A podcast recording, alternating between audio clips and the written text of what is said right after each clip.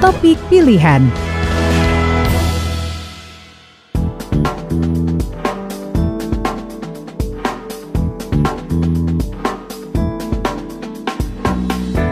Baik, Classy People penumpang kereta api di Sumatera Barat di masa libur Natal dan Tahun Baru mengalami peningkatan hingga mencapai 27 persen.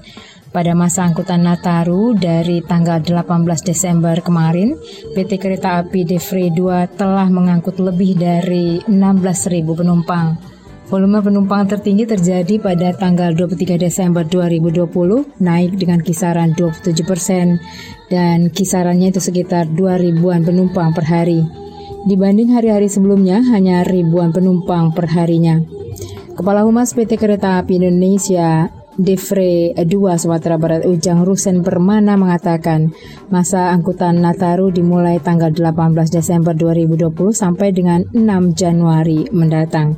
Di masa liburan akhir tahun ini, Divre 2 mengoperasikan 8 perjalanan kereta api, uh, yaitu kereta api jadwal lokal, Sibinuang pulang pergi, relasi Padang, Pariaman, dan Naras.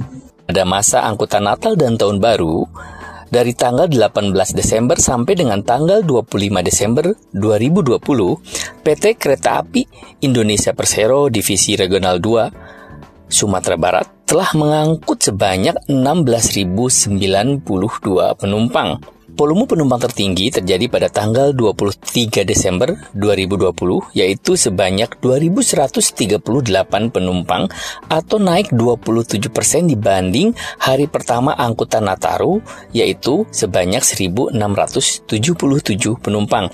Adapun rata-rata penumpang per hari pada masa angkutan libur Natal dan Tahun Baru ini sampai dengan tanggal 25 Desember, rata-rata penumpang sekitar 2.000 penumpang yang menggunakan kereta api dari dari Divisi Regional 2 Sumatera Barat.